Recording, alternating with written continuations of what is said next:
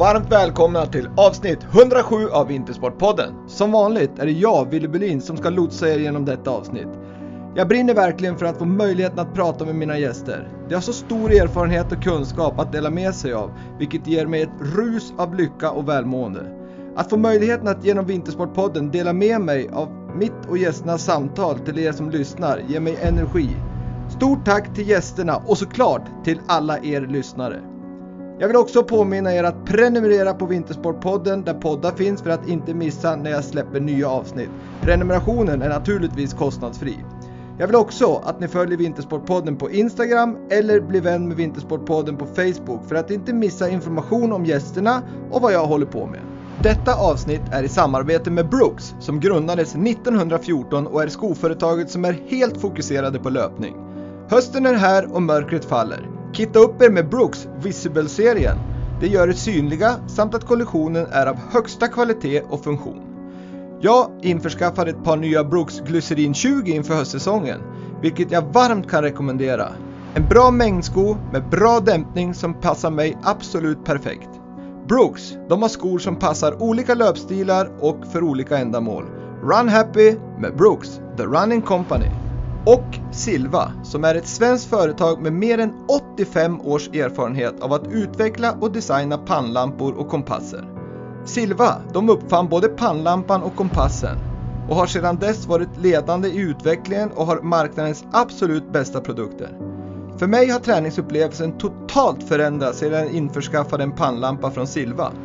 Nu kan jag träna när, var och hur jag vill, vilket gör att det inte på något vis påverkas av höstens mörker. För mer information om produkterna besök www.silva.se och signar ni upp er för Silvas nyhetsbrev, ja då får ni 15% rabatt på ert nästa köp.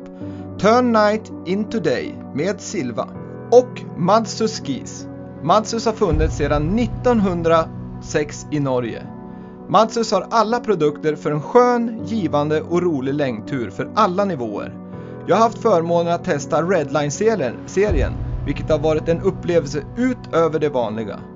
Delar ni passionen och viljan att ha en skön upplevelse i längdspåret med Madsus? Ja, besök då www.madsus.com och få mer information om produkterna och vad ni ska införskaffa inför stundande vinter. Innovativ längdskidåkning sedan 1906. Madsus gets you there.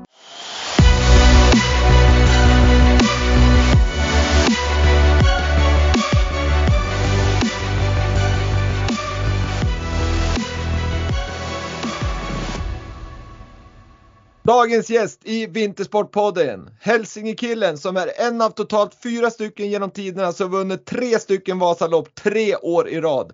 Tagit tre stycken VM-medaljer, fem stycken pallplatser i världscupen, trea totalt i världscupen 2003, en femteplats i skidskyttevärldscupen samt en rad SM-medaljer. Idag är han tränare och coach inom skidåkning på Sollefteå skidgymnasium och en man med båda fötterna på jorden. Varmt välkommen till Vintersportpodden, Jörgen Brink. Tack så mycket. Hur står det till med dig? Jo, men det är väl bra. Det är ju höst och eh, jättefina dagar med frisk luft, så det, det, är en fin årstid. Jag tänkte säga det, hur, hur, jag brukar fråga just i Vintersportpodden här, hur sörjer du att sommaren är slut eller är du glad för att vintern snart är här? ja, men bra fråga. Nej, jag skulle nog säga så att eh, jag önskar att sommaren var lite längre då. Mm. Eh, faktiskt, för det, det, är en härlig tid det, ja, men varje tid har ju sin skärm på något sätt och det är klart att eh, jag gillar ju vintern också, men fick jag önska så lite längre riktig sommar, absolut. Ja, men det, det, det kan man ju hålla med om även om man tycker om eh, skidåkning och, och vintern på, på, så vis. Men, men hur, idag så bor ju du som jag sa där och är tränare uppe i Sollefteå där du bor med din familj. Men sen är du ju även från eh, från, eh, du kommer från Delsbo, vilket vi ska komma in på snart, som ligger i Hälsingland. Är du där någonting på somrarna? För jag vet inte, sommaren kanske är lite, lite bättre eh, i Delsbo, framförallt ut mot kusten och Hudiksvall.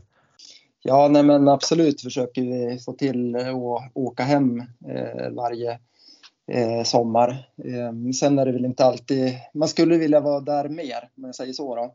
Mm. Men det har varit liksom mycket annat, framförallt när man var aktiv då. Och sen, ja men det är olika aktiviteter med barn och det, egen semester och sådär. Men eh, hemma det är ju Delsbo för mig. Det, det, är det. Så det är alltid kul och skoj att komma hem till Delsbo. Jag förstår det. Hur, hur, är det då? då? Liksom, åker, åker en skidlegend, alltså du, och hälsar på en annan skidlegend, Thomas Magnusson? Eller hur, hur är relationen till en, till en sån stor skidåkare som Thomas Magnusson? ja, nej men eh, nej, det är inte så att eh, jag har ju träffat Thomas, men jag ska inte säga att jag, vi hörs. Det har vi nog aldrig gjort på det sättet, men eh, jag känner ju han så. så att det, och sen var ju han en idol så att säga när jag växte upp. Eh, jag såg väl aldrig hans lopp. Eh, då var jag ju knappt född eh, i början på karriären i alla fall. Och sen var man ju så pass ung när han ja, egentligen slutade 78. Då var jag fyra år då.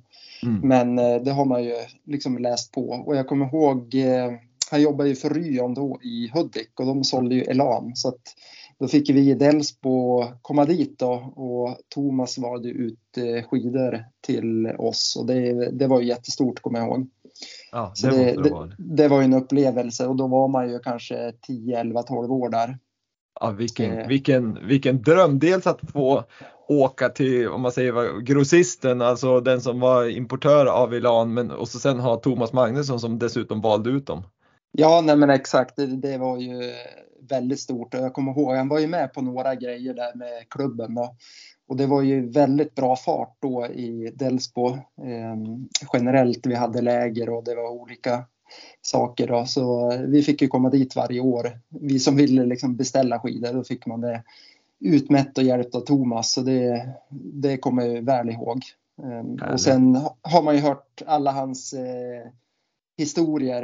Eh, Eh, genom åren med träning och hur han levde och han var ju väldigt en tuff idrottare om man säger så. Då.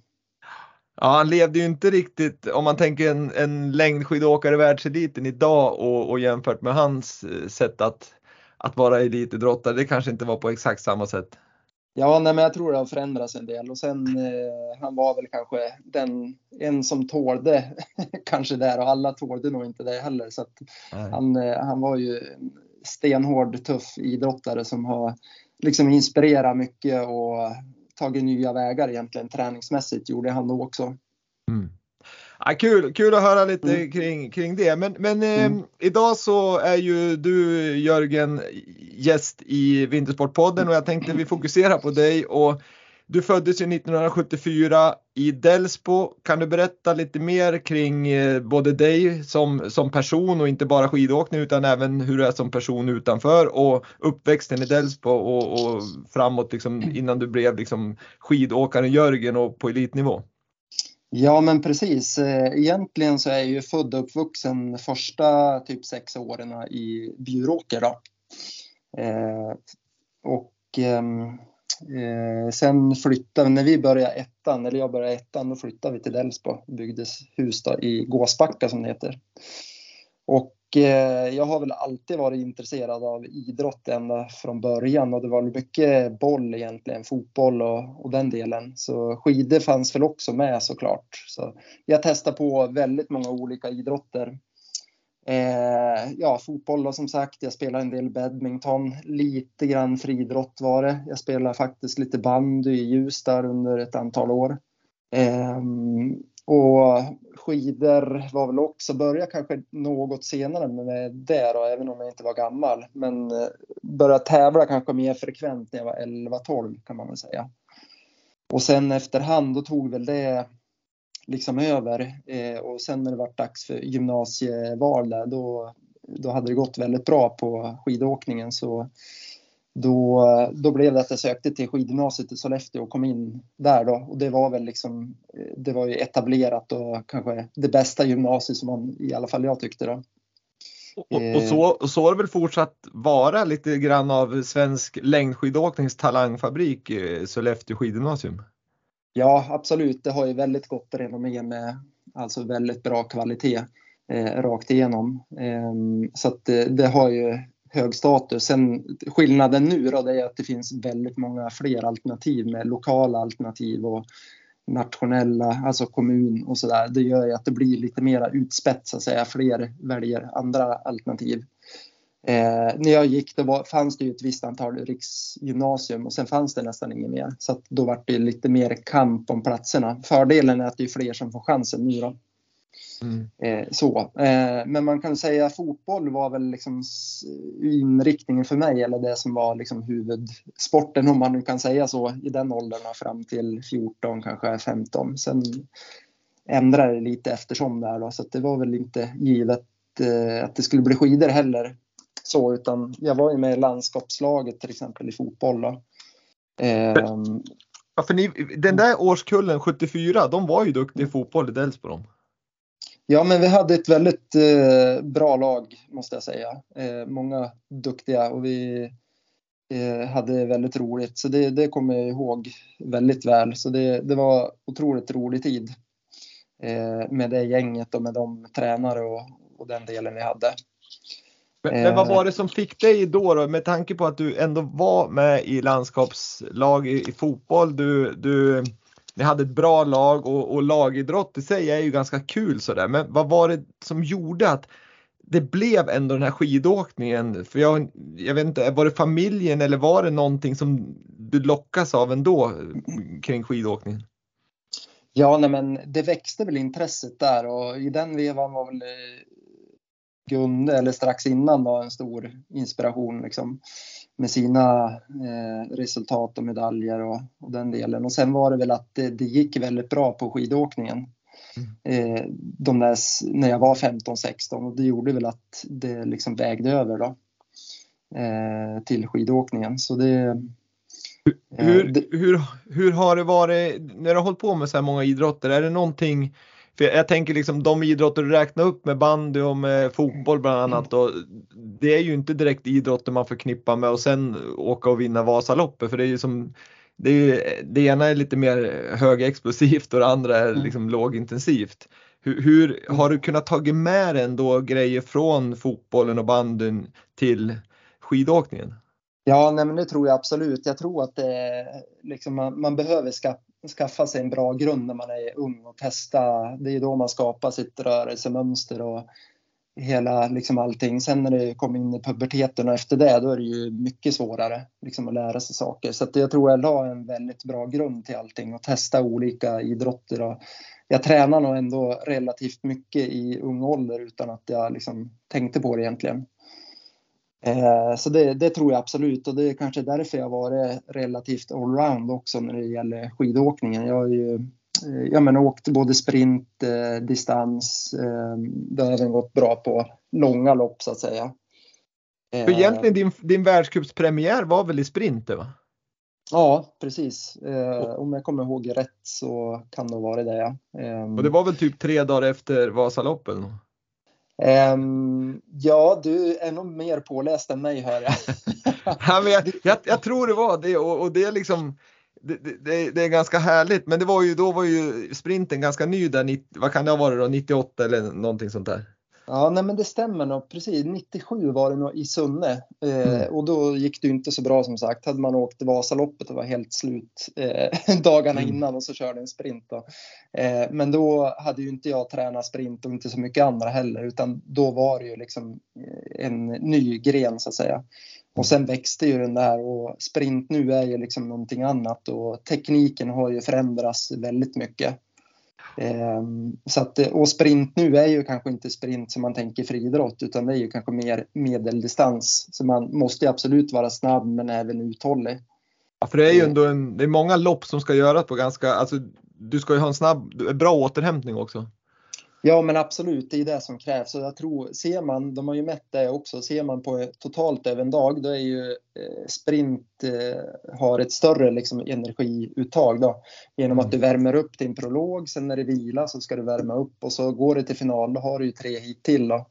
Så att det är över lång tid liksom, det kan ju vara 4, 5, 6, 7 timmar du liksom är igång egentligen. Så att, eh, där, där gäller det att ha en väldigt bra bas eh, i tillägg till att du måste liksom träna specifikt eh, att ja, men vara snabb helt enkelt. Ja precis. Men du, jag, jag tänker på det vi pratade om här med, med, att du höll på med ganska många idrotter långt upp i åldrarna. Hur, mm. Din roll på skidgymnasium nu, kan du se någon form av att du upplever att, att ungdomarna nu har ett sämre rörelsemönster för att det är lite tidigare, eller lite tidigare, det är ju tidigare specialisering nu för tiden än vad det var förr. Kan, kan du liksom som ändå, du har hållit på ganska nyligen och du är inne just på ett skidgymnasium, kan du se någon skillnad där? Ja, men lite grann kanske att det, det är många som tränar väldigt hårt tidigt och som kanske är före liksom sin kurva eller man ska säga. Mot det, det fanns de som tränade hårt förr men det är flera som är extrema nu. Eh, och det är så himla lätt att få information och hänga med och få liksom inspiration eller påverkas genom eh, sociala medier. Eller, det fanns ju inte förr när jag var ung till exempel. Då läste man ju typ i tidningen eller någon eh, tidskrift eller liksom så. Så att det är mycket enklare. Och sen har den andra halvan då där man kanske inte är lika eh, ja, men grundtränad eller har tränat på de här basfärdigheterna. Så att, eh, jag skulle nog säga att det är ett större spann då. Eh, där och generellt kanske då, då kanske det, den här allmänträningen har varit lite sämre. Det skulle mm. jag nog absolut säga. Sen i slutändan om man blir en sämre skidåkare, det vet jag inte. Men för mig så låter det som en bra grund i ung ålder. Eh, borde vara bra liksom längre fram. Men jag tänker när de specialiserar sig tidigt och så som du säger de som tränar väldigt hårt bara om man säger på skidåkning.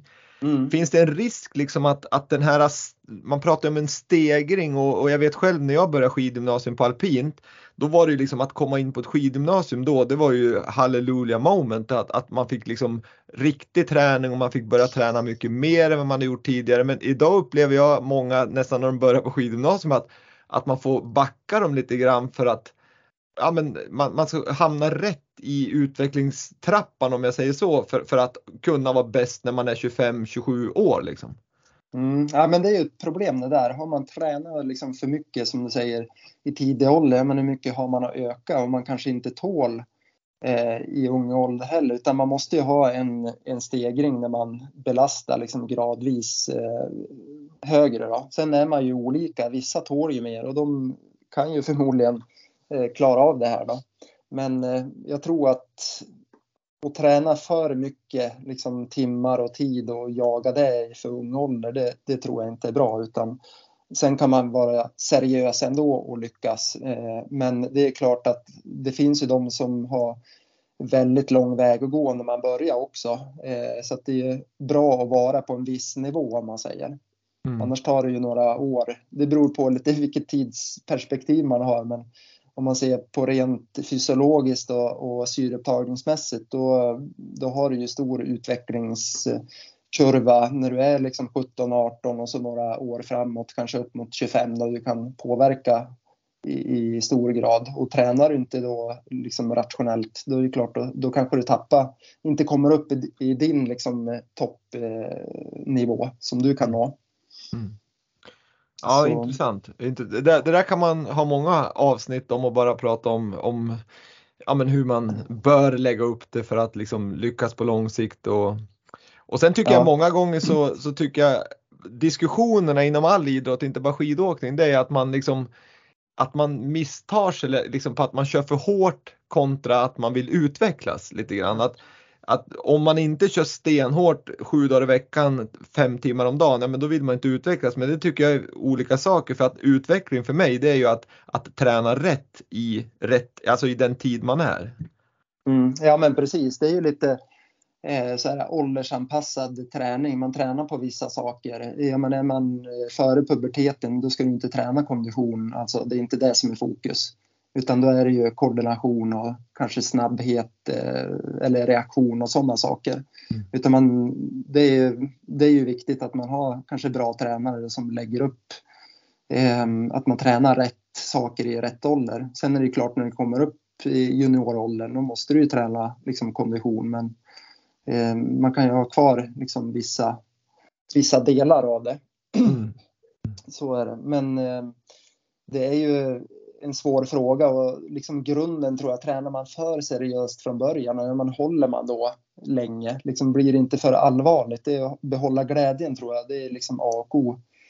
Och, och ja, kan, man göra, kan man göra det som 13, 14, 15-åring om man börjar liksom för ja, men för seriöst. Man ska ha träningsprogram och det ska vara varje dag inrutat istället för att man kanske tar ja, men vissa dagar, ja, men då kör jag så här. Sen får det gå på lite, lite random på något sätt. Då. Mm. Nej, jag så. håller med dig, för, för jag menar ska du, det, det, det är ju en lång lina där, ska du träna mycket sen så måste du tycka det är kul och det är liksom, man orkar inte hur länge som helst att bara vara en maskin heller och, och, och, och borra ner huvudet och köra liksom. Nej men precis, jag tror man kan träna mycket absolut men det är ju så här att lura sig själv lite. Upptäck, ja men när jag var yngre, man tränade ju väldigt mycket men jag såg inte som att det var liksom jobbigt eller uppoffrande på det, uppstyrt, utan det var mycket egen träning. Man var ute och åkte skridskor, man eh, cyklade, ja men du vet. Eh, Spontanidrott. Ja men exakt, det var ja. inte det här uppstyrda, nu har vi träning 18 till 19.30 och så gör vi det och det. Utan det var en annan form, ja men precis som du säger, spontanidrott som är ju jätteviktig. Verkligen.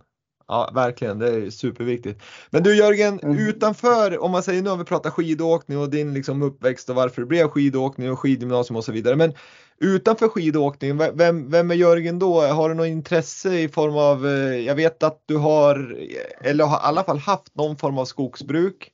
Är det någonting du har kvar? Har du, håller du på med någon annan liksom, ja, racketsport eller något annat mm. roligt? Nej men jag är väl familjens sportnörd då kanske. Sådär, jag, nej, men jag gillar det mesta i sportväg och försöker hänga med eh, det mesta. Ja, men framförallt fotboll, skidåkning, eh, ja, många sporter. Så att det, jag gillar sport överhuvudtaget. Då. Sen har jag ju som du säger, jag har lite skog i Delsbo. Mm. Eh, så det är en, en del att sköta där. Så det, det är lite att ta hand om. Men det är någon form av, liksom lite hobby så att du är där själv och, och röjer och håller på. Det är inte bara liksom att du har en eller? Nej men precis, det är väl lite ekonomi och inte leja bort allting. Röja det klarar man ju själv liksom. Mm. Eh, men röjsåg, det är ju värre när man ska gallra och så. Det, då måste man ju ha maskiner och det, det har jag inte. Så att, då får man ju anlita för det då. Mm, mm. Eh, och slutavverkning. Men det känns ju väldigt bra att ha skog på ett sätt. För det är ju ett värde och någonting som det känns som att det kommer alltid att behövas. Sen kan det mm. alltid liksom eh, blåsa ner av någon storm eller någonting sånt. Men jag tror skog det är nog, känns som en bra investering i alla fall. Då var du lite orolig där när det, när det började bralla på i, i Färila kårböle där när det var stora skogsbranden. Då kan jag tänka mig att många skogsägare runt om där var lite nervösa. Ja, det är ju, det lär inte ha varit kul eh, för de som fick skog nerbrunnen där. Eh, så det, nej, de lider man ju med, verkligen. Verkligen. Mm. Men du, om vi ska gå in på karriären då, mer som när, när du liksom hade, nu har du valt, eh, valt eh, längdskidåkningen och, och, du börjar liksom satsa seriöst när du går på skidgymnasium och, och du, du blir liksom en världsåkare. Men vad är, det som, vad är det som gjorde Jörgen Brink till en världsåkare? Alltså, vad var din unikitet liksom rent så här, var du stark som 17 fysiskt eller var du psykiskt stark eller vad, vad, vad var det som gjorde dig så himla duktig? Um, ja, men jag tror att det var en kombination av eh, liksom, många saker. Jag hade ett väldigt stort driv och målmedvetenhet om att jag ville liksom, bli bra. Och sen försökte man skaffa sig kunskap på vägen och eh, man inspireras. Jag kommer ihåg tidigt när man var på de här hälsingelägren. Där eh, man bjöd in då alla klubbar till, eh, vi hade ett visst antal läger per år. Eh, och fick träna med Anders Bergström, om du kommer ihåg han. Ja, eh, landslagsåkare i, som åkte för Hudiksvall under ett antal år. Ja. Eh, och man fick hänga med dem som junior då på ett visst antal pass och se standarden, bara vara med i miljön. Så det var ju liksom jätteviktigt det. Var det ehm. någonting som du sen anammade också, att just det här med att jobba, vara en god förebild och, och vara med på, liksom när du var världsstjärna, att du också var med på ungdomsträningar och sådär? Ja, man försökte väl ibland, men det var inte alltid man... Eh, det var inte så mycket tid över om man säger. Utan eh, jag ställde upp det jag kunde och var med mm. någon gång i klubbverksamheten så för yngre åkare. Då. Absolut. Sen var det väl... Eh, ja, men det var väl ingen jätteraketresa jag gjorde. Jag var ju med liksom i toppen som junior. Sen var det väl kanske lite tuffare i början som senior, men sen jobbade jag på liksom steg för steg och tog egentligen små steg för varje år och jag hade väl lite sjukdomar och sånt som störde där. Eh, så att det kanske blev något fördröjd liksom genombrott om man säger så. Då. Mm. Men när kände du i, i det här liksom i din början på din elitkarriär, kände du liksom att nu tog jag det här stora steget och, och var det någonting som du hade gjort annorlunda för att du tog det steget? Nej, men jag kände väl under några år där när man var 22-23, ja men man gjorde vissa träningspass med landslaget och man såg, ja men jag hänger med bra här liksom. Sen kanske man inte fick ut det alltid på vinterhalvåret då, men eh, jag hade ändå en tro på att jag skulle kunna liksom vara med där uppe. Men eh, det var väl eh, inför ja, men 2002 inför OS, då hade jag ju ett väldigt bra träningsår och sen sabbas det lite av sjukdomar. Och, så, men jag kom ju ändå med på OS, men kanske inte kunde göra mig själv liksom rättvis. Då. Så sen inför 2003 som var mitt eh, bästa år då, så då hade jag egentligen en klockren eh, både försäsong och tävlingssäsong kan man säga. Och det gav Höll dig frisk och skadefri? Och... Ja, men precis i princip i alla fall. Eh, så då fick jag liksom ut min kapacitet eller visa lite vad man gick för då och kunde liksom prestera på ett eh, bra sätt och det, det var väl inget revolutionerande i träningen utan det var väl mer att eh, ha kontinuitet och liksom jobba på över tid. Det var mer det. Man fick in många bra pass i träningsbanken och inga hårda pass föll bort och så vidare. Men, men när i den här resan då från om man tänker liksom ja, men i Delsbo där när du var 15 år och valde att söka in på skidgymnasium och, och, och kom in där. När börjar liksom du träna systematiskt och, och långsiktigt liksom att nu, nu, nu, finns det en plan här som, som jag ska följa med, som vi pratar om utvecklingstrappan och det ska leda till det här. N när, när kom det in i bilden, det tänket? Um, ja, men jag hade nog ganska stort driv när man var yngre också, liksom att träna bra, prestera och försöka utvecklas var väl största drivkraften. Och det var det även sen, att försöka bli liksom så bra jag kan bli. Um, men det var väl, eh, jag tror att det var kanske inget speciellt tillfälle utan man Eh, det där byggdes på lite eftersom, men framförallt var det när man kom in på skidgymnasiet som det var, eh, då valde jag liksom lite väg att satsa på skidor och då blev det ju mer strukturerat. Men det kanske inte var just då att jag, men nu siktar jag mot eh, världselit. Jag tror inte alla vet vad som krävs liksom, för att ta medaljer, utan det, det kommer man på lite efter vägen och framförallt att få vara med i rätt liksom, miljöer och se liksom, ja men det här, så här tränar världseliten och eh, det här krävs för det. det. Eh, jag tror det är inte alla som vet vad som krävs utan det bygger man på lite grann eftersom då. Så att eh, det var inte ett tillfälle tror jag utan sakta men säkert så, man hade ju målet att vara med där uppe. Men eh, sakta men säkert så tog man steg och insåg att ja men nu närmar jag liksom mig och det gav ju också lite bränsle på att eh, ja men köra på ännu lite hårdare. Jag tänkte, jag tänkte liksom en, en längdåkare som, som är på den nivån du var, det, det, blir ju så extremt mycket träning och det är liksom inte att man går till ett omklädningsrum och byter om med 20 andra och, och snackar och, och sådär utan det är mycket av den träningen är på, på egen hand. Vad hade du liksom för målbilder framför och vad var det som motiverade dig liksom en, en novemberdag, det spöregnade, det blåste, det, liksom allt var grått. Va, va, vad såg du framför dig för att göra det här fyra timmars passet då ensam? Ja, men det, det, är lite som du säger där, det kan ju vara lättare i en lagidrott då, när man, eh, men samtidigt tuffare på ett sätt. Sen tror jag att eh, det är mycket individuell träning, men sen är det ju även, eh, jag tränar tillsammans med många andra eh, eh, skidåkare. Eh, det gjorde jag, tränade ganska mycket med Per Elofsson under, under tiden jag bodde i Umeå till exempel. Mm. Eh, men det är klart att eh, som jag ser det så det var ju att jag hade ett tydligt mål liksom att jobba mot och det var liksom aldrig något tvivel om det utan då tar man sig ut på de här passen.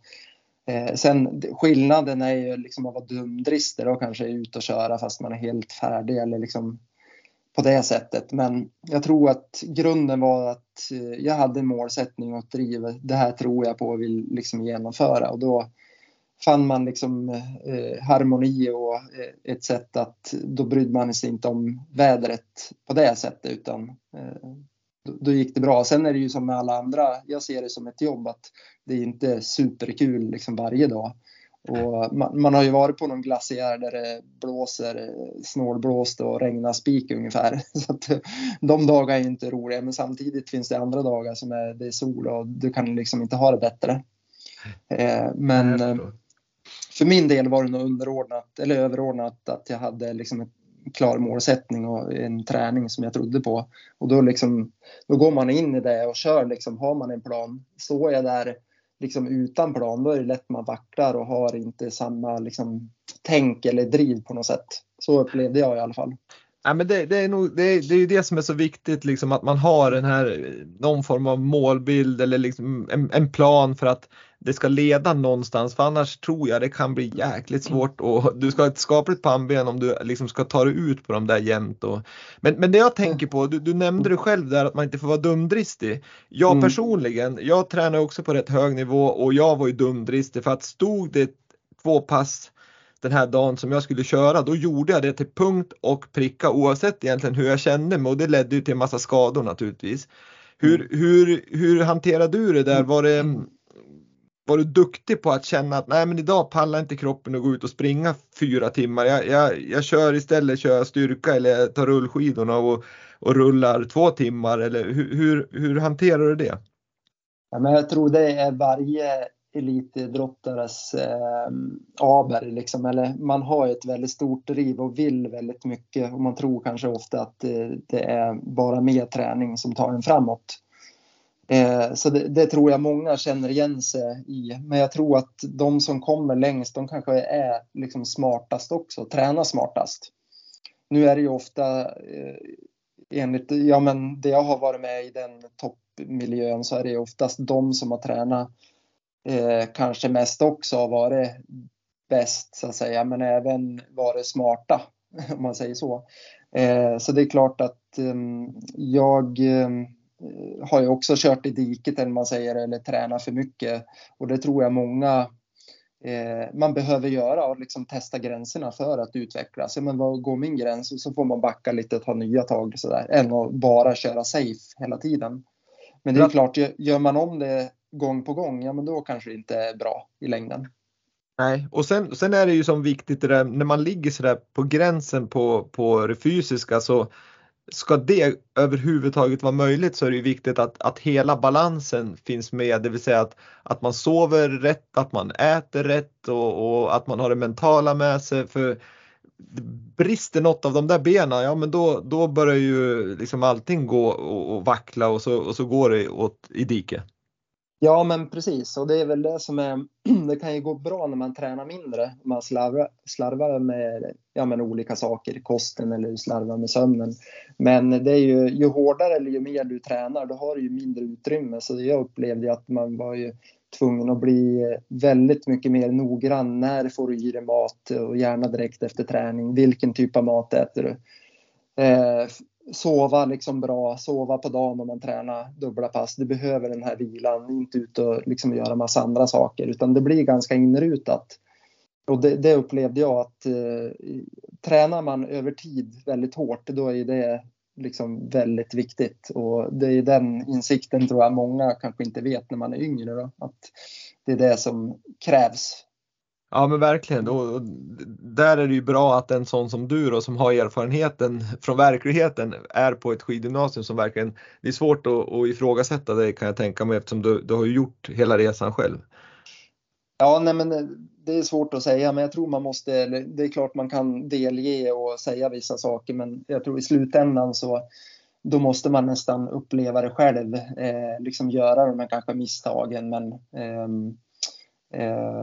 det, det, är en balansgång där, helt klart där det. Så det, mm. det, är klart man behöver, det är bra att ha stöd och, och support liksom på vägen. Det är det mm. absolut. Så det, och ta hjälp av de som har varit um, i eliten tidigare. Det tyckte jag var liksom värdefullt att prata med personer och, och så. Sen behöver inte allt vara rätt sådär, men man får liksom en tanke och tänka liksom själv vad, vad är det som passar mig i träningsväg och så vidare.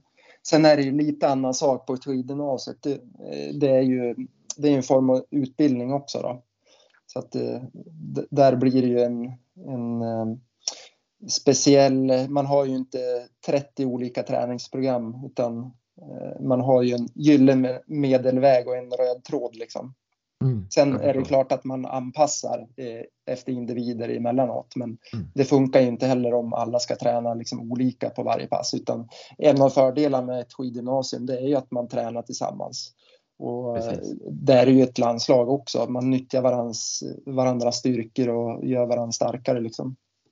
Och, och, och hur upplever du din, du, du sa att du tränade med Per Elofsen en hel del där när ni bodde i Umeå eller tävlade för Umeå mm. och, och mm. du var med i landslaget. Hur, hur var det för dig med tanke på liksom det som händer nu när man bryter sig ur och kör eget race och så vidare? Var, var landslaget någonting du åkte till med liksom glädje och, och kände verkligen att ja, du får ut mycket av att vara en del av landslaget? Ja, nej men absolut. Landslaget hade ju väldigt bra liksom, förutsättningar och uppstyrt med läger och ja, men de bästa åkarna i Sverige ska ju tillhöra landslaget och man tränar tillsammans.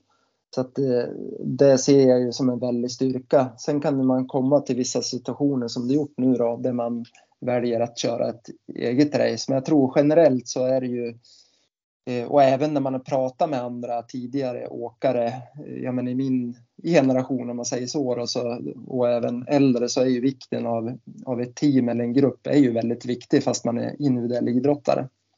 Ja, för det är kort eh. tid man, man tävlar egentligen men man har otroligt många resdagar ihop och, och det är många timmar som, som är som ett lag, liksom, precis som du säger. Sen är det ju 30 minuter, 10 kilometer mm. klassiskt liksom, som, som man tävlar mot varandra men, men i övrigt så är det ju med varandra man tränar.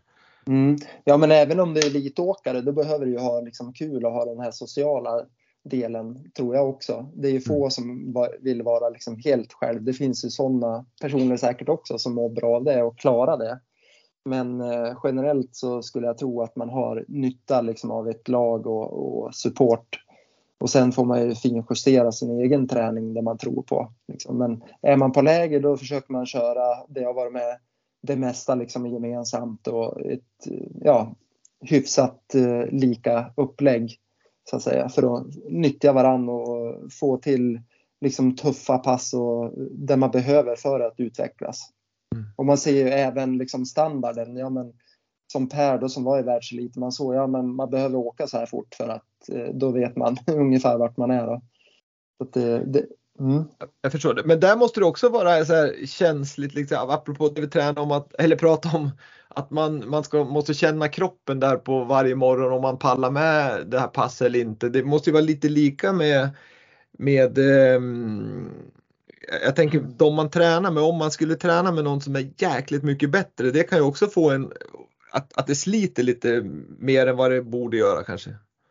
Mm, ja, men så kan det ju vara. Det har man ju varit med om. Att eh, det är klart man kan klara det under en kort period, men i längden så går det ju inte. Alltså är det någon åkare som åker klart snabbare än en på tävling, som när man var yngre och tränade med de som etablerade landslaget till exempel. Då är det klart att eh, då hängde jag med vissa pass, och, men man klarar liksom inte längden utan då skulle man ju kört eh, totalt slut liksom. Så det där är den här träningsintelligensen, ja, men även att man försöker liksom spränga gränser ibland och eh, inte är för liksom rädd. Man kan inte vara comfort zone hela tiden. Nej, verkligen inte. Då blir det ingen utveckling. Absolut ja. inte. Men du, mm. om, vi, om vi går vidare här med, med karriären så vad var din, mm. om du skulle säga en höjdpunkt i din karriär, vad, vad är det? Eh, bra fråga, men eh, som svensk eh, och är man uppvuxen i Delsbo så Vasaloppet är ju stort, helt klart. Så det, det, var ju, det har man ju följt sedan man var liten och eh, eh suttit där eh, från tidig morgon med frukost och lyssnat på Plex tror jag och eh, ja men följt loppet och man har ju tid liksom att göra mycket annat. Så det, det är ju, att få vinna det, det var ju jättestort för min del i alla fall. Så, anser, mm. anser, du att, att de tre segrarna i Vasaloppet eller någon av dem slår det bronsmedalj på individuellt 50 kilometer över Val? Ja, nej men det skulle jag nog säga. Hade jag vunnit guld på VM då kanske det har stuckit ut lite mer då. Men en medalj mot en seger i Vasaloppet, då tar jag nog eh, Vasaloppet. det gör jag. Det, det känns speciellt och, och stort som skidåkare i Sverige i alla fall. Mm. Men då, då, då tar vi oss, i och med att det var en höjdpunkt med, med Vasaloppet, vilket jag kanske kunde tro, men jag tänker 50 kilometer VM är också någonting stort. Men, men om vi går till Vasaloppet så har ju du tre stycken segrar och de tre år i rad. Vilket är ganska unikt. Det är fyra stycken som har gjort det i, i, i historien och varav en är du. Och det är liksom Mora-Nisse, Janne Ottosson och så sen Janne Stefansson heter han tror jag som, som har tagit tre år i rad. Hur, hur känns det att vara en av dem och ändå är liksom Amora-Nisse han, han är ju liksom en, en klass för sig men, men det måste ju ha en, vara en otrolig känsla att, att vara en av så få i ett så stort lopp. Ja, nej, men det känns jättebra. Jag hade ju väldigt fina år där eh, de åren.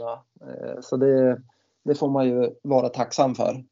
Eh, så det, det, är väl inte så där mycket historien jag tänker på, alltså historia så egentligen, men ehm, det känns ju kul att man eh, ja, men fick vara med om det och, och klara att vinna liksom tre gånger. Så det, det är man ju väldigt eh, stolt och tacksam över. Hur, hur, skulle du säga liksom satsningen där på långlopp och, och Vasaloppet, hur, hur stor skillnad var det gentemot att, att vara om man säger traditionell skidåkare och åka världskuppen och, och köra 50 kilometer och 15 och 30 kilometer och så vidare. Fick du ändra upplägget mycket när du blev liksom satsa på Vasaloppet och långloppsserien? Ja, eh, ja, men en del gjorde jag. Jag kom ju egentligen från skidskytte. Jag fuskade ju några år där. Ja, precis. Mellan 2008 till 2010. Så egentligen det året 2010 när jag vann första gången, då var jag skidskytt första halvan av fram till januari kan man säga. Och sen mm. hade jag väl egentligen inte tänkt fortsätta utan jag ville köra Vasaloppet medan jag var liksom bra tränad. Eh, så jag åkte, jag var väldigt bra tränad, jag hade kört hårt med Wolfgang där i tre år då nästan. Eh, men mestadels skata, så jag körde en del eh, eh, lokala sidningslopp kan man säga ganska intensivt där sista månaden, eller en och en halv kan man säga. Ehm, så eh, det var väl liksom inget givet där och jag var väl kanske ingen en av favoriterna utan det kanske var en liten överraskning ändå, även om jag kände eh, jag tror jag var tvåa då, två veckor innan i långloppsvärldscup i 80 mm. Eh, och då förstod jag att ja men här kan jag, jag kan nog göra något eh, liksom bra här. Eh, men sen om man ser de resterande åren, då blev det ju lite, det blev mer längre pass, framförallt mer stakning, eh, mindre skate, eh, mera stakmaskin. Eh, så, men det var inga drastiska ändringar, men lite justeringar, framförallt mer överkroppsarbete kan man säga. Och kanske något mer styrka för att bygga upp och klara av det. Mm. Jag, jag, tänker när du säger stakmaskin, mm. stod du länge och nötte i stakmaskin eller körde du intervaller? Nej, jag gillar ju inte att stå i den där liksom, timmar som jag har hört många, så jag körde nästan bara hårt i den där eh, intensiva, max en timme tror jag körde. Det var mycket så här 1000 meter, eh, 1500 gånger 6, 1500 meter då. Mm. Eh, så att det blev mest sådana som, ja men typ eftermiddagspass man körde hårt. Lite längre på förmiddagen och så eh, hårt intensivt på eftermiddagen. Eh, så otroligt effektivt, kanske inte rent tekniskt jättebra då, men effektivt för hjärta och pump liksom. Så så att den tror jag, den jag var väl lite, inte föregångare, men jag var väl en av de första som började använda den mer frekvent där. Mm. Eh, och sen har det ju blivit, inte var mans egendom, men det är ju väldigt många som har en egen och det finns på de flesta gym så att det är ju superbra, ett superbra komplement om man inte har liksom, tillgång till skidor eller man har kort om tid eller ja, vad det nu kan vara. Verkligen.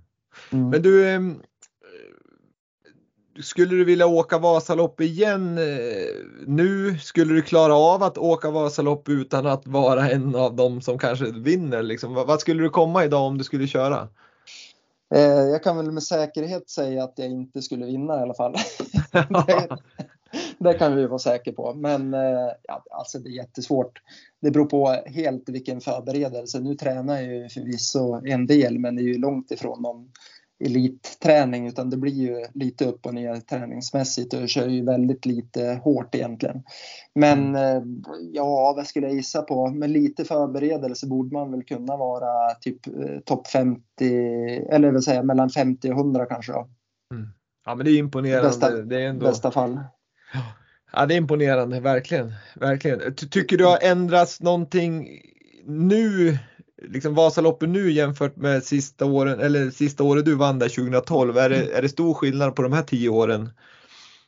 Mm, ja, men det har ju hänt egentligen jättemycket och stakningen kommer ju i den här vevan mer och mer. Eh, så jag åkte ju med fäste alla år, eh, även året efter 2013 och eh, nu ska vi se 14 också gjorde jag det.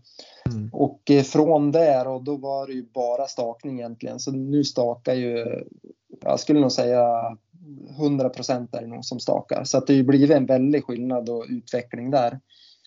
Eh, Tycker du om så, den utvecklingen? Ja men egentligen så gillar jag ju vanlig skidåkning eh, med diagonal och fäste. Så jag höll väl kvar länge och det passar mig bra. Men det, Alltså skidsporten och all annan idrott utvecklar sig hela tiden så det gäller ju liksom att försöka hänga med och det är ju, stakningen är ju en del. Och det går ju fortare och du behöver inte liksom den här eh, vara bekymrad över fästet till exempel. Utan nu är man ju så pass bra tränad i överkroppen så man klarar av att staka eh, nio mil utan problem. Utan det Staffan Larsson gjorde 95 det var ju helt otroligt och det gjorde han på grund av en skada. Då. Han var mm. den första som stakar tror jag. Ja precis, han eh, hade ju skadat knä där.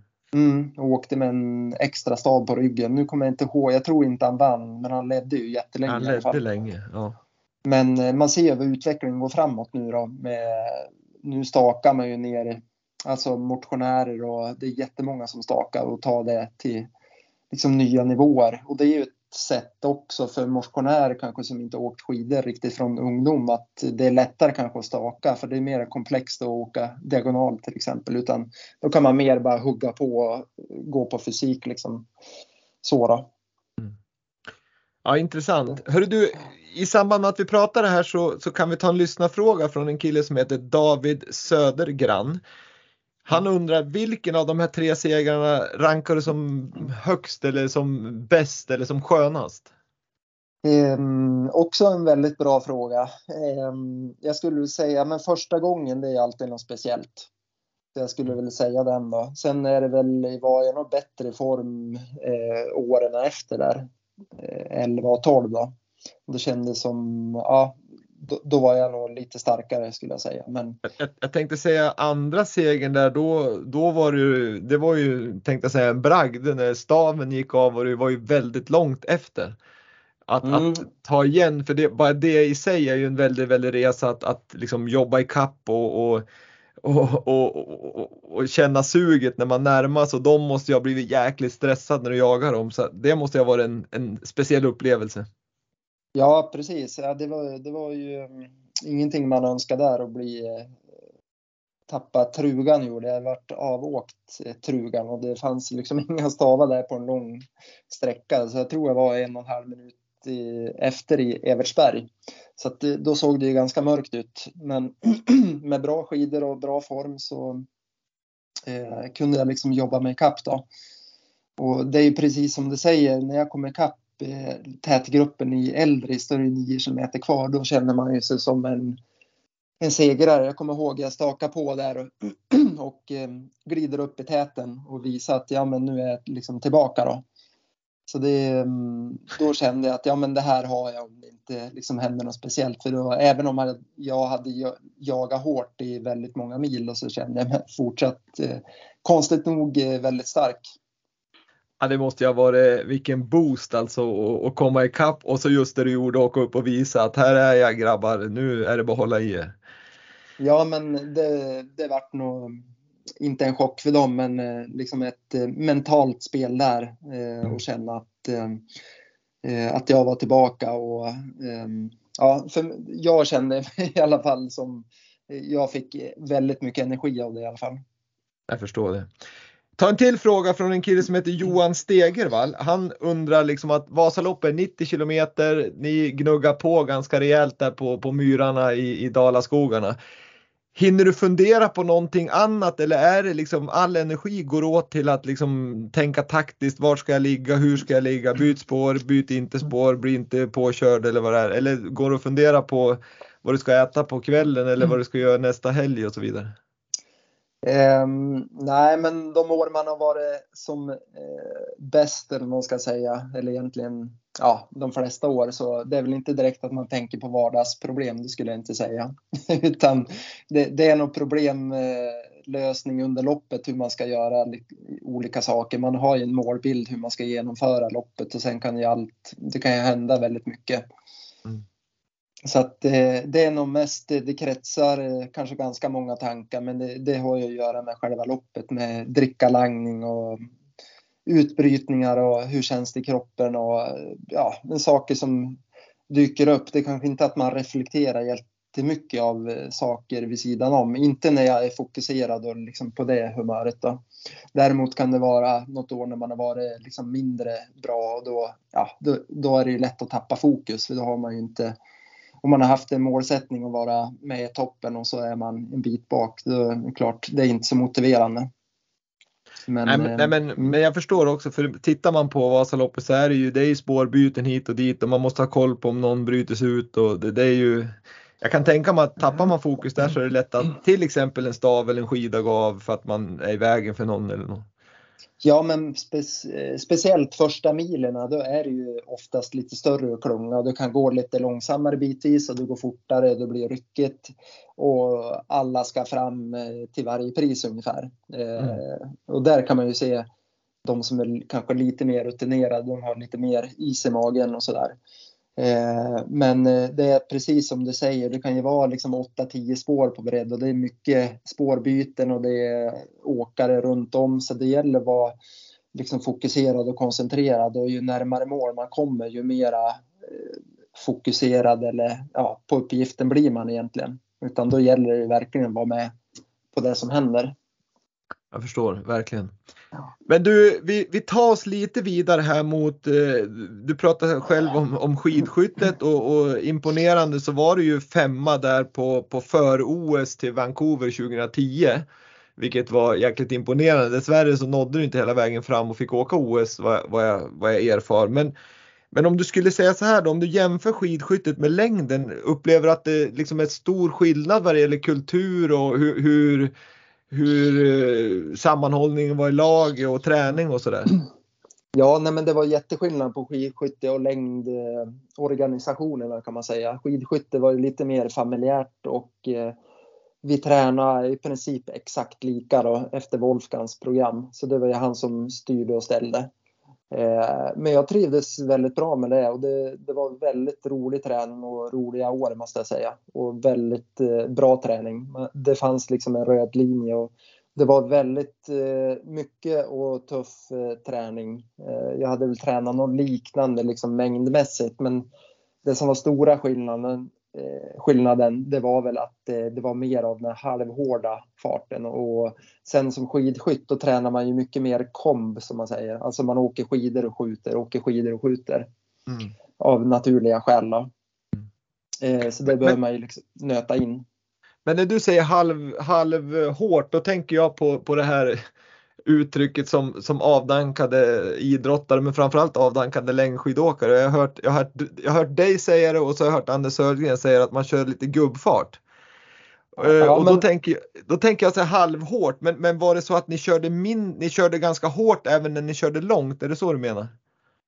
Um, ja, eller framförallt så hade vi ju, vi körde ju mycket på kil kilometer var det ju då. Man skulle åka typ 40 kilometer eller 45 eller vad det nu var.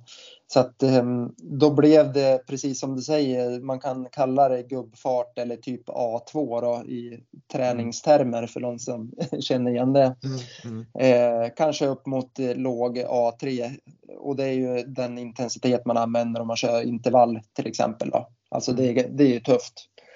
Ehm, så att ehm, det var, var ju mer av den träningen och eh, det var ju kombinerat med skytte. Det var ju för att få in, liksom nöta in de delarna och han, Wolfgang hade väl eh, kommit fram till det att det var liksom väldigt bra för, för oss och han trodde på den idén. Så att bevisligen, han har ju lyckats med väldigt många liksom skidskyttare som har tagit stora steg.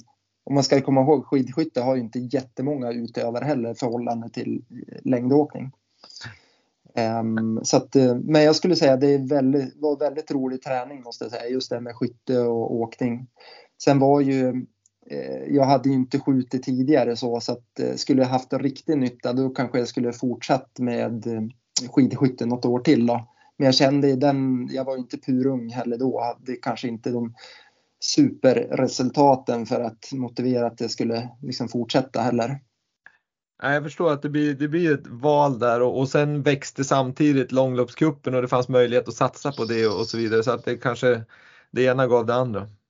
Ja, men lite grann. Det var lite tillfällighet. Egentligen hade jag ju tänkt sluta då, men 2010, men då var det, jag körde Vasaloppet och eh, vann det då helt enkelt.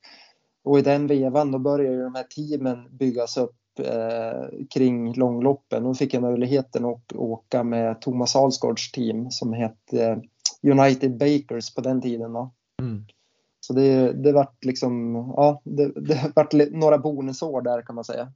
Men, men eh, vi, hoppar, vi hoppar dit och så måste jag ställa en följdfråga på det för det tycker jag är ganska intressant att det är två olika upplägg egentligen på den traditionella skidåkningen och även skidskyttet. Där kör man ju liksom i landslag och man, man tävlar för landslag och, och, och hela den där cirkusen. Man, man ligger under, ja, på skidskytte i IBU och på längden så ligger man under FIS, alltså internationella skidförbund och internationella skidskytteförbundet. Men långloppen, de, de kör ju mer team de och att ett företag äger dem eller en, ja, i det här fallet kanske en, men de, de har ett företagsnamn i alla fall. Och det, det, är ju lite skillnad i hur de där uppläggen är. Är det liksom någonting du föredrar? Skulle du vilja se den traditionella skidåkningen mer som team eller tycker du landslagsupplägget eh, är ett bra upplägg? Eh, jag skulle nog säga att ja, men man tävlar ju ändå för Sverige på något sätt. Då. Och, och, den världskuppen. Så jag tycker landslagen fyller ju absolut sin funktion. Sen det som är med långloppen det är att det finns ju inget VM till exempel eller landslag på det sättet utan det, då är ju liksom möjligheten att eh, bilda team eller eh, verka i sån ja, konstellation så att säga.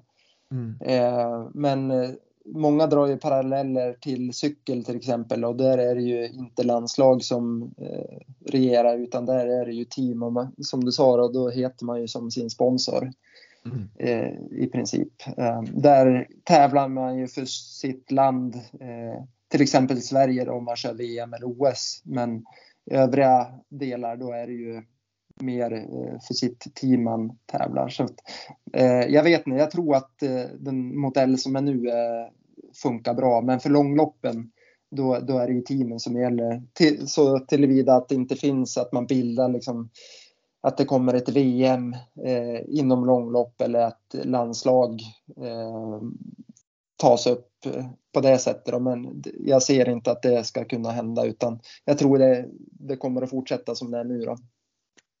Tror du med tanke på vad som händer inom på dam, damskidåkningen att man, att man har lika eh, distanser som på herr. Tro, tror mm. du framtiden kommer bli så att även liksom långlopps typ Vasaloppen 90 kilometer, nu inte i, i Dalarna men att 90 kilometer kommer vara en del av OS till exempel och VM?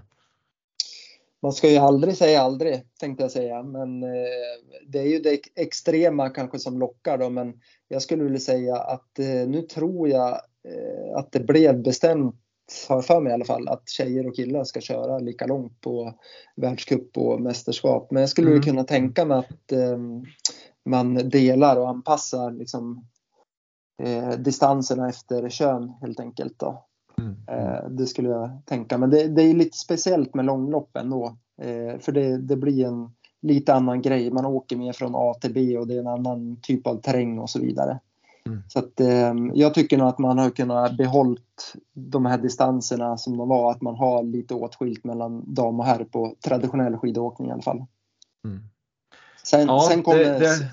säkert samma åkare att vinna, men det kanske blir större marginaler då. Troligtvis, men, men det har ju varit mycket debatt om det där också, både för och emot och, och sådär. Så att vi, vi får väl se vad, vad det visar sig. Och det är väl en del av utvecklingen kanske som, som, som, eh, som du sa om, om stakning och, och skate var ju också herrans liv om när, när det drog igång där på slutet av 80-talet. Mm, nej men absolut, och det, det gäller ju ändå att hitta, jag tror eh, intresse, det skapas ju av tradition också. Man vet att det här kommer än att ändra liksom för mycket. Eh, de som är väldigt inbitna tycker ju, ja men för skidorna, en fem mil det är ju blåbandet för skidorna. Mm. Eh, och det har ju sin tjusning med individuell start där man sitter och väntar. Men det kanske är för de speciellt intresserade. Mm. eh, så då. Eh, så man kanske kan ha en kombination av det, massstart eller individuell eh, till exempel. Mm. Så att man skapar ju ett intresse genom tradition och nu vet man att det är här som gäller. Det är inte att man kommer på ett OS och ska köra 100 meter och det, ja men nu är det 120 meter eller det kanske var en dålig liknelse men du förstår att man. Ja, jag förstår. Jag förstår. Absolut. Det blir en tradition av det också. Ja, absolut.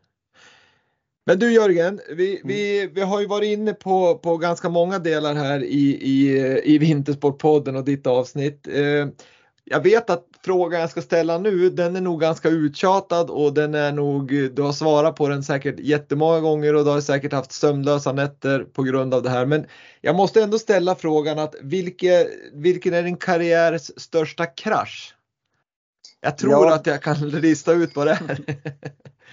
Ja, nej men det, den är ju inte så svår eh, tyvärr eh, att lista då, utan det är ju eh, VM-stafetten i Val di Fiemme 2003 där eh, jag gick på pumpen eller gick i väggen kan man väl säga.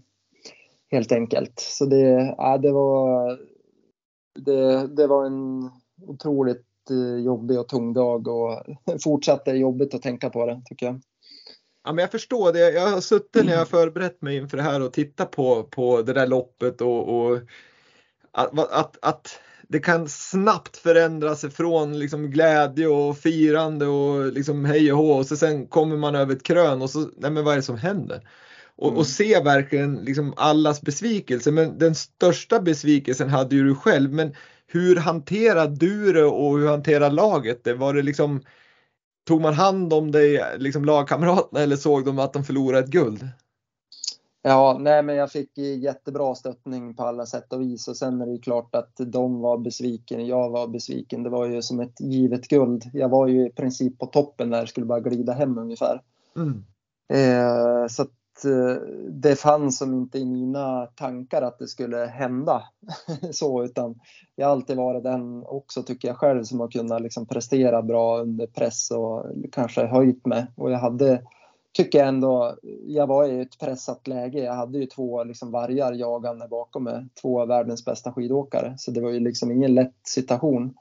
Men jag höll stången bra och kände mig ändå, eh, även om jag var pressad så hade jag förhållandevis kontroll tyckte jag själv då. Eh, och alltid, alltid liksom kunna disponera lopp bra och disponera energin liksom, utefter det jag orkar. Och det tyckte jag även då att ja, men, jag hade liksom.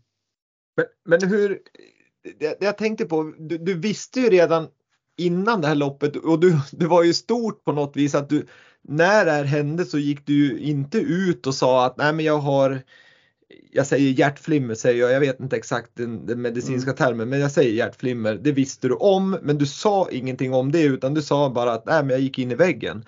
Men vad jag har, förstår så visste du om det här problemet. När det här kom, när du kände att nej men nu är det helt slut, du måste ha känt att hjärtat rusar. Kunde du göra någonting? Hade du någon taktik där du försökte liksom krypa ihop eller andas lugnt eller, eller var det bara kört kände du? Ja, nej men eh, det var ju i princip kan man säga. Men eh, jag fick ju det där första gången. Det var ju fyra år innan har jag för mig det var. Och slutet 98, 99 någonting har jag för mig att det var. Och då, då vart man ju ganska rädd. Eh, då visste jag ju inte vad det var. Eh, sen fick jag ju, eh, man lyckas väl inte helt eh, få det. Det gäller ju att fånga det där, men man, jag var ju på massa utredningar, man kunde utesluta vissa saker. Och eh, man trodde att det var ja, men ändå en godartad eh, sak och det, det är ju en hjärt, eh, hjärtrusning då eh, som jag har. Och det är ju in, impuls som går runt helt enkelt och jag får väldigt hög puls. Och hjärtat fylls inte utan det, då blir det ju syrebrist helt enkelt till slut. Utan det fylls bara lite grann och så går impulsen runt och jag kan ha 220 i puls fast jag har 190 i maxpuls.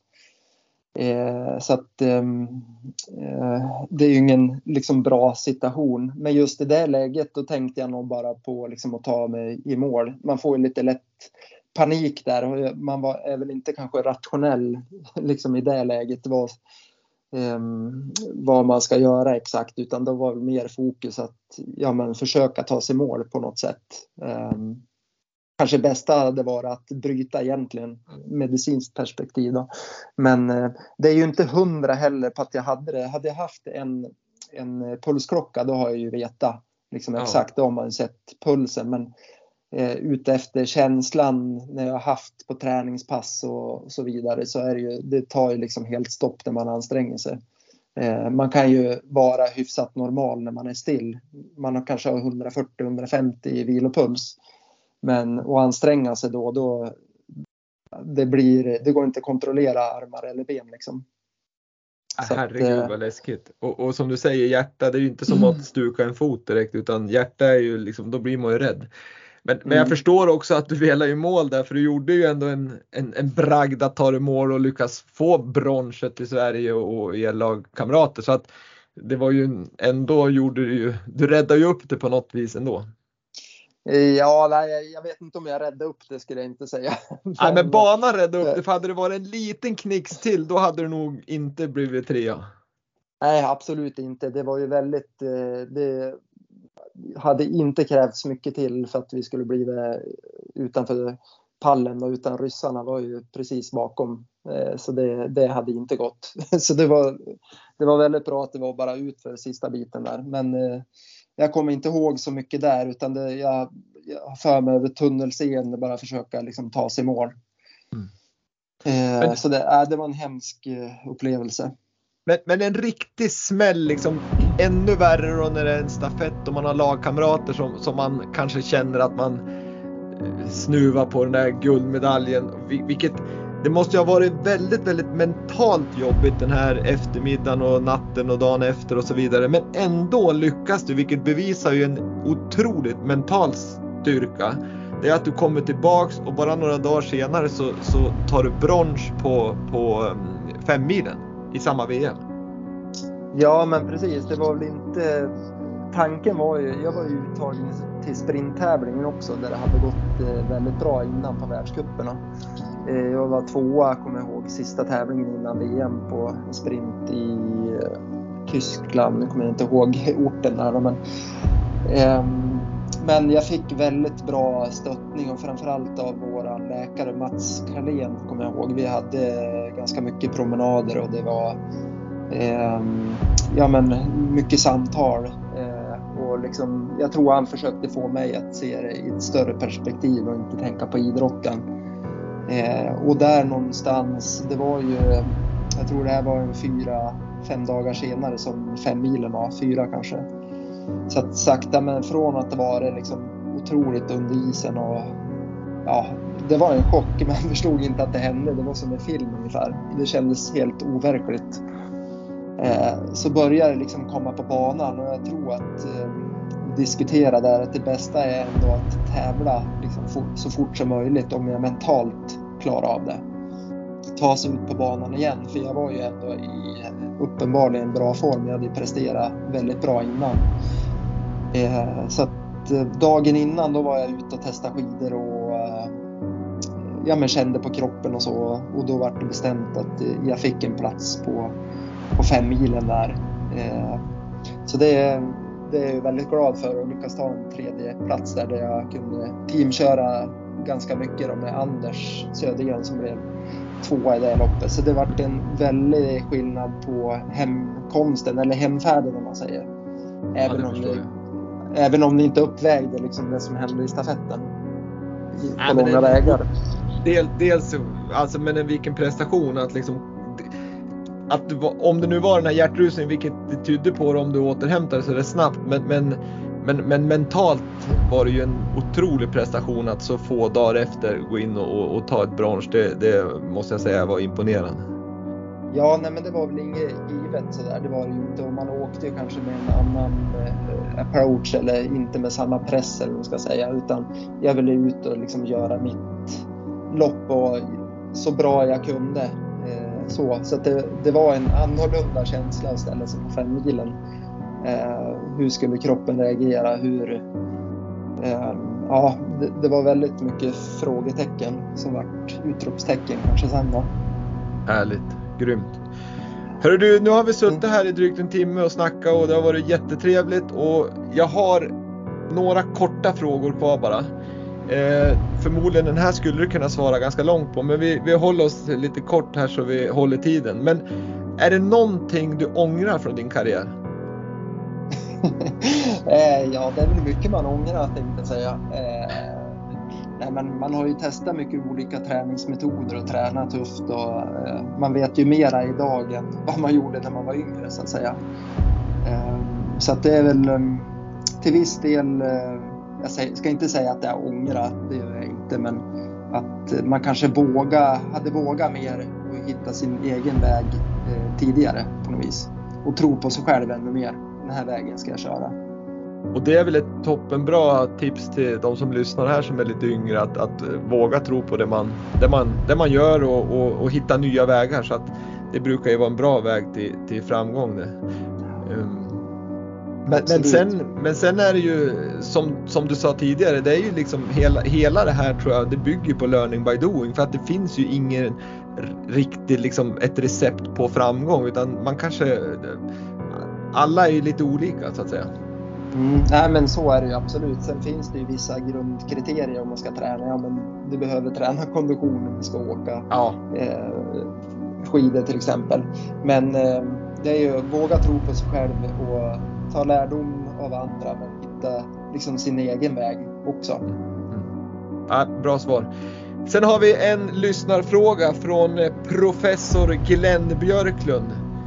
Saknar du testerna på Vintersportcentrum? ja, men just det, Glenn ja. Han är duktig testledare så han har plågat mig många gånger, jag kommer ihåg.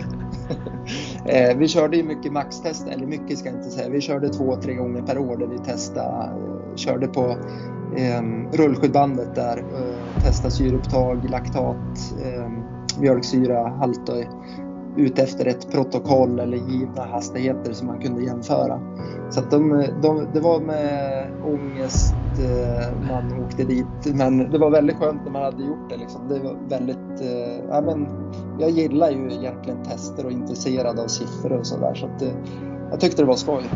Ja. Och, och, bra hjälpmedel om man liksom är i utveckling såklart. Mm, ja men absolut. Det, sen gäller det att göra, det är lätt att göra tester bara för att. Men om man kan dra någon lärdom och ha något konkret med det så Eh, då, då, då, är det ju ett verktyg, absolut. Mm. Absolut. Och sen har jag min sista fråga Jörgen och den ställer jag till alla som är med i Vintersportpodden och den lyder så här. Kan du säga en framgångsfaktor för att lyckas med idrott? eh, man väljer rätt föräldrar.